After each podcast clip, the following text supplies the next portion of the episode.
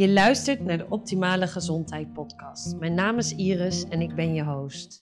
In deze podcast vertel ik je alles over het eten van suiker en koolhydraten en wat de gevolgen zijn van te veel hiervan, namelijk insulineresistentie als tussenstadium en als eindstadium diabetes type 2.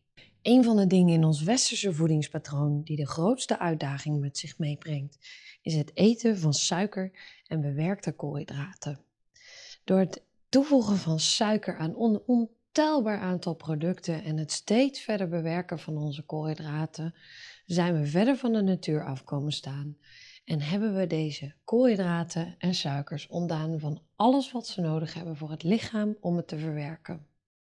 Het is dus ook niet zo gek dat een teveel ervan al heel snel tot gezondheidsproblemen kan leiden. Ik weet niet of je dit al weet, maar daarom begin ik het even met het uitleggen. Alle producten bestaan uit drie macronutriënten. Deze macronutriënten zijn koolhydraten, vetten en eiwitten. En allemaal hebben ze hun eigen functie. De functie van koolhydraten is het voorzien van energie. Maar wist je dat vetten jou ook dezelfde bron van energie kunnen geven als dat koolhydraten dat doen? En misschien nog wel zelfs meer energie daaraan overhoudt? Dat koolhydraten essentieel zijn, is helaas een fabeltje. We hebben geen koolhydraten nodig. Zeker niet voor onze verbranding, ook niet voor onze spieren en ook niet voor onze gezondheid. We kunnen zonder. Het is ook een fabeltje dat je geen koolhydraten kan eten.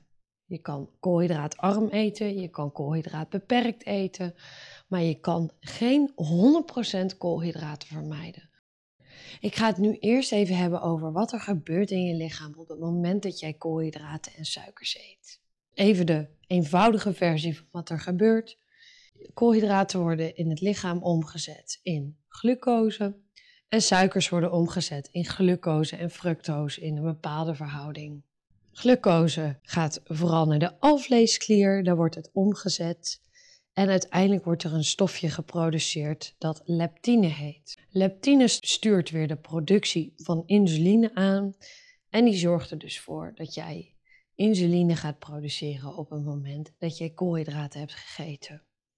Fructose gaat weer naar je lever, wordt door je lever afgebroken, maar die is eventjes voor dit verhaal niet relevant. Waar het vooral om gaat is dus die productie van insuline. Wat gebeurt er namelijk als er heel veel leptine, leptine wordt geproduceerd, insuline wordt geproduceerd, waar het lichaam niks mee kan. Dus een overschot als het ware van deze stof. Nou, dan wordt je alvleesklier ten eerste gaat minder goed reageren. Die gaat er ook voor zorgen dat dus de stoffen minder goed worden aangemaakt, maar ook minder goed worden verwerkt. Waardoor er op termijn problemen ontstaan. Krijg je een soort van moeheid van het produceren van insuline dan gaat je bloedsuikerspiegel stijgen en die blijft structureel hoog. Je hebt namelijk geen insuline in de bloedbaan nodig, waar wij suikers voor nodig hebben, waar wij koolhydraten voor nodig hebben. Vanuit het biologisch oogpunt de fight or flight response. Dus we hebben koolhydraten en suikers eigenlijk nodig vanuit de oertijd om onze spieren op korte termijn van energie te voorzien. Maar wat doen wij met onze westerse voeding? Wij gooien er continu maar schepjes bovenop. En weer een schepje, en weer een schepje, en weer een schepje. Je moet het zien als een schepje suiker elke keer erbovenop. Op een gegeven moment stroomt het kopje gewoon over als jij maar een schepje suiker erbij blijft gooien. je hebt een warm kopje koffie. En op een gegeven moment houdt het zelfs dus op met de suiker wat je in de koffiekopje gooit op te nemen. Op een gegeven moment heeft hij zo'n verzadiging bereikt. Ditzelfde gebeurt in jouw lichaam. Op een gegeven moment is jouw lichaam eigenlijk verzadigd, heeft het voldoende insuline. En wat doen wij in het Westen met de hoeveelheid suiker en koolhydraten die wij binnenkrijgen? Wij gaan continu en structureel over dit maximum heen. Met als gevolg dat er belangrijke lichaamsprocessen verstoord worden, suikers niet meer goed worden afgebroken, met insulineresistentie tot gevolg. Insulineresistentie is een soort van voorstadium van diabetes type 2, waarbij er al een onvermogen is om insuline op de juiste manier te verwerken, zodat je lichaam steeds meer gaat protesteren. Een van de belangrijkste symptomen is dat je bloedsuikerspiegel structureel omhoog gaat, minder stabiel is en dat je bloedsuikerspiegel zichzelf minder goed kan reguleren. En een stabiele bloedsuikerspiegel is heel erg belangrijk voor onze gezondheid. De bloedsuikerspiegel bepaalt namelijk een soort van de verdeling in energie die jij van dag tot dag hebt. Bepaalt je fitheidslevel en hoeveel prestatie jij kan leveren. Op het moment dat jij hele heftige schommelingen krijgt in je bloedsuikerspiegel, teken maar eens even met je vinger dat je heftige schommelingen op en neer maakt. Dan heb je pieken, je hebt momenten dat het gemiddeld gaat en je hebt heftige dalen. En op die pieken gaat het misschien wel goed, maar die zijn te heftig. En in die dalen heb je dus een tekort. Nou, ga je dus op een gegeven moment heel heftig op en neer schommelen bij alles wat je eet, dan krijgt je lichaam onrust. Dan wordt je energie heel stabiel en je krijgt bepaalde klachten die daarbij horen. Een van die klachten is het hangry worden, dus dat jij heel knorrig wordt als je niks gegeten hebt. Het eigenlijk continu maar honger houden. Het geen energie hebben vlak nadat je gegeten hebt, terwijl dat juist het moment moet zijn dat jij je opgeladen en energiek moet voelen. En dit heeft dus ook tot gevolg dat jouw energie heftige pieken, maar vooral ook heftige dalen kent. En wat wil je nou? Wat, wat, hoe voelt gezondheid? Optimale gezondheid qua energie voelt als een stabiele, constante stroom van energie. Geen ups en downs, maar gewoon stabiliteit. Je hebt gewoon de hele dag energie. Punt. Dus het is heel belangrijk om die bloedsuikerspiegel te stabiliseren. Een van de dingen die dan belangrijk wordt, is iets dat heet de glycemische index. De glycemische index van een product is de mate waarin het van invloed is op jouw bloedsuikerspiegel. En ook weer bijna niet toevallig zijn de gezonde producten veel beter voor je bloedsuikerspiegel dan de ongezonde producten. Ongezonde producten hebben namelijk als eigenschap om heel heftige schommelingen van die bloedsuikerspiegel voor elkaar te krijgen. Terwijl de gezonde producten, de langzame koolhydraten zoals uh, quinoa, boekweit, zoete aardappel, andere groenten en fruit, de juiste eigenschap hebben om minder heftig effect op de bloedsuikerspiegel te hebben. Dus met deze producten blijft jouw bloedsuikerspiegel een stuk stabieler. Dus dit zijn ook weer de producten die je dient te eten, wil je jouw gezondheid ondersteunen. Het elke keer, het is bijna niet toevallig, komt het dus toch weer terug op diezelfde dingen. Eet je groenten, eet je fruit, eet je gezonde bronnen van koolhydraten, eet de juiste vetten en jij gaat gezondheid vinden. Ik ga nu een aantal eigenschappen opnoemen van insulineresistentie, die heel belangrijk zijn voor jouw gezondheid om te kijken of jij daar last van hebt. Ben je namelijk op weg naar insulineresistentie, dan is de volgende stap dat je diabetes type 2 gaat ontwikkelen. Ik kan je vertellen dat dat niet is wat je wil voor je gezondheid. En het is dus heel erg belangrijk om dan tot actie te komen. De makkelijkste manier om insulineresistentie te meten is om je nuchtere bloedsuiker structureel te meten. Dus om elke ochtend je bloedsuiker te meten en te kijken wat de waarde daarvan is. Dat doe je op nuchtere maag voordat je ook maar iets gegeten of gedronken hebt. En dan heb je daadwerkelijk inzicht en zekerheid. Maar heb je het vermoeden dat je misschien insulineresistent bent en wil je eerst eens even kijken of deze symptomen bij jou passen, dan komen ze nu eraan. Futloosheid of gebrek aan energie en dan vooral vlak na het eten is een bekend kenmerk van insulineresistentie. Daarnaast als je insulineresistent bent, sla je vaak extra vet op in je buikstreek. Dus we kennen het bekende zwembandje wel. Um, bij vrouwen is dit iets minder een directe relatie tot insulineresistentie dan bij mannen. Mannen met buikvet hebben bijna altijd last van insulineresistentie en bij vrouwen heeft het ook wel eens te maken met andere hormonen. Heb je last van insulineresistentie, dan heb je ook vaak een droge mond, ook al heb je net gedronken en je hebt dus ook heel veel dorst. Je hebt heel veel trek in zoetigheid, dus je wil continu snacken en snaaien. Je hebt moeite met afvallen. En veel mensen met insulineresistentie hebben dus een appelvormig figuur, ook vanwege het extra buikvet wat ze zijn gaan opslaan. Zoals ik net al aangaf, is insulineresistentie een precursor, zoals ze dat noemen, oftewel een aanleiding om te verwachten dat als je geen actie onderneemt, dat je dan diabetes type 2 ontwikkelt. Dus het allerbelangrijkste wat je dan moet doen, is direct in actie komen. Dus merk je op dat jij insulineresistent bent, heb je heel veel van de symptomen en merk je dus dat jouw bloedsuiker structureel te hoog is, kom dan in actie en ga ervoor zorgen dat jij deze bloedsuikerspiegel omlaag kan krijgen. Dan komen nu een aantal tips die jij kan toepassen voor jezelf om ervoor te zorgen dat deze insulineresistentie zo snel mogelijk naar beneden gaat. En de allereerste is eigenlijk bijna een inkoppertje. Het is degene die je ook zal verwachten, die ik jou ga adviseren. En dat is namelijk om gewoon simpelweg minder koolhydraten te eten. En als je koolhydraten eet, dan juist de bewerkte koolhydraten laten staan. Zo min mogelijk brood, zo min mogelijk rijst, zo min mogelijk pasta, zo min mogelijk aardappelen.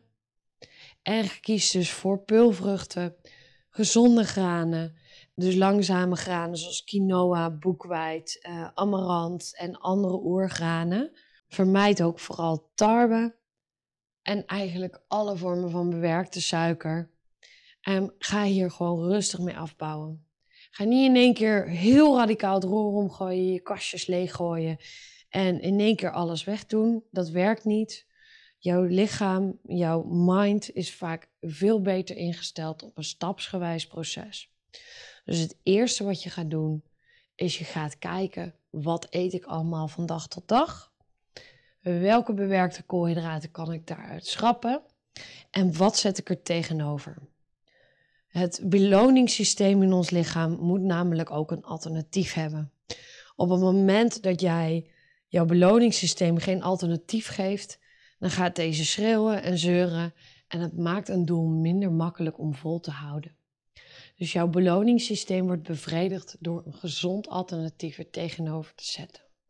Zorg er wel voor dat je hem of heel lekker vindt, dit gezonde alternatief, of dat je hem op een manier kan bereiden dat je hem heel lekker vindt. Ik ga even gewoon met je delen wat voor mij een goede guilty pleasure is. Ik was echt helemaal dol en verslaafd op friet. En ik at dus echt gewoon, nou zeker twee keer per week friet. En ik wist op een gegeven moment van, hé, hey, dit is niet gezond voor me. Ik heb hier een beter alternatief voor nodig. Toen ben ik begonnen met zoete aardappelfriet uit de airfryer. Dan doe je al twee goede dingen. Eén, je eet geen gefrituurde producten meer. En zoete aardappels bevatten veel meer voedingswaarde dan gewone aardappels, die ook nog eens behouden worden omdat ze niet gefrituurd worden. Dus dat soort kleine gezondheidsinterventies moet je aan denken als je hier net mee begint. Dus niet heel radicaal het roer omgooien en alles weggooien en alles omgooien. Het maakt het onhaalbaar, het maakt het onoverzichtelijk en je bent jezelf geweld aan het aandoen als het niet lukt. Want dan komt het onvermijdelijke teleurstelling als jij uiteindelijk faalt in je nieuwe voornemens. Dus ga het opbreken in stapjes. Ga eerst kijken welke meest voor de hand liggende acties jij kan inzetten om minder insulineresistent te worden en om je bloedsuikerspiegel stabieler te hebben. En dan is de volgende stap is, uh, intensieve training voor hele korte periodes. Wat je op die manier doet, is je triggert je lichaam om vetten te verbranden. En op het moment dat je gaat sporten, is het allerbelangrijkste wat je doet, is je eet pas na het sporten. Insuline wordt namelijk ook wel het vetopslaghormoon genoemd. En dit vetopslaghormoon zorgt ervoor dat zolang er insuline in jouw bloedbaan is, jij geen vet zal verbranden. Dus op het moment dat je eet na het sporten, kun jij tijdens het sporten optimaal bij je vetreserves. Maar denk dus aan een kwartier hele intensieve krachttraining. En dat twee, drie keer in de week. Dus heel intensief en daar rust tegenover zetten. Dus heel intensieve krachttraining plus iets wat zacht is. Wat juist weer je lichaam in ontspanning brengt en wat je stresslevels, je cortisol naar beneden brengt. kunt hierbij denken aan yoga, je kunt hierbij denken aan meditatie, maar je kan ook gewoon even heel lekker ontspannen liggen. Of een paar rustige rek- en strekoefeningen doen op een matje.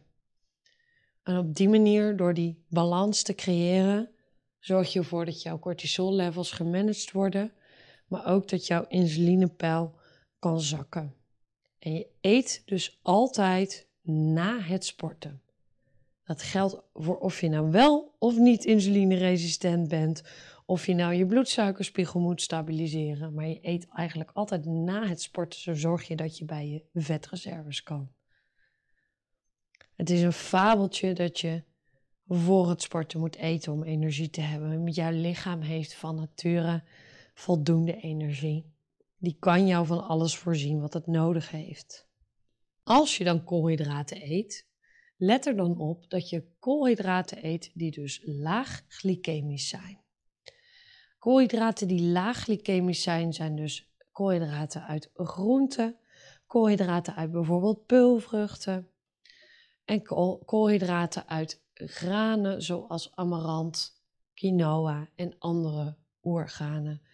Dus door te zorgen dat als je koolhydraten eet, dat je dan gezonde koolhydraten kiest, stabiliseert jouw bloedsuikerspiegel al. En dit zorgt er al voor dat je insulineresistentie, maar ook de hoeveelheid insuline in je bloedbaan al kan gaan zakken. Ben je insulineresistent, dan heb je dus al, bijna altijd insuline in je bloedbaan zitten. Dus zorg ervoor dat je na die sportsessie ook eventjes heel gezond eet en dan op dat moment zeker koolhydraten vermijdt. Het is namelijk de bedoeling om de insulinepeil in je bloed zoveel mogelijk omlaag te krijgen. En het is een geleidelijk proces, maar sporten kan dit ondersteunen. Merk je dat je dus al diabetes type 2 hebt? Heb je echt hele heftige insulineresistentie? Of werken al deze kleine interventies die ik net heb aangedragen helemaal niet? Dan kun je gaan voor een radicale aanpak. En een radicale aanpak wordt ook wel ketogeen eten genoemd. Ketogeen eten is het wisselen van koolhydraatverbranding naar het verbranden van vetten als brandstof. Dus je gaat wisselen van glucose, zoals ik het net toelicht, naar ketonen als brandstof voor je lichaam. Door te wisselen van glucose naar ketonen daalt je insulinevoorraad stabiel. En je zult ook zien dat zelfs bij mensen met diabetes type 2 de medicatie omlaag kan, ze op een gegeven moment helemaal kunnen stoppen en al hun bloedwaarden en hun suikerwaarden weer tot een perfect plaatje gaan omgevormd worden. Maar dit is niet voor iedereen weggelegd. Je moet wel serieus willen investeren in je gezondheid en je moet wel gemotiveerd zijn om hier echt voor te gaan. Als je dit een beetje half-half doet, dan heeft het namelijk vaak een averechts effect. Dus dit is echt een, een all or nothing manier van eten. Dus die moet je ook op die manier benaderen. Dus of je gaat ervoor, of je laat het helemaal zitten en pakt het op een andere manier aan. Maar je kan niet half keto, half niet keto doen, zoals we dat afgekort noemen. En wil je hier nou meer over weten? Wil je hier stap voor stap in meegenomen worden? En wil je alle belangrijke tips, trucs en ideeën aangereikt krijgen om voor jezelf met koolhydraatarm en ketogeen eten aan de slag te gaan? Ga dan naar de link die hieronder staat voor de volledige online kookcursus Koolhydraatarm koken. En die gaat jou begeleiden in uh, ja, koolhydraatarm en ketogeen gaan eten voor jezelf. En welke dingen daar allemaal voor jou aan bod gaan komen, welke van toepassing zijn. En op welke manier jij op een gezonde en verantwoorde manier met dit voedingspatroon voor jezelf aan de slag kan gaan. Ik zou het heel erg waarderen als jij jouw ervaringen met mij deelt en jouw vragen stelt via mijn social media kanalen, apenstaartje Green Twist Cooking of mijn website greentwist.nl. Bedankt voor het luisteren. Ik wens je een hele mooie dag toe en graag tot de volgende podcast.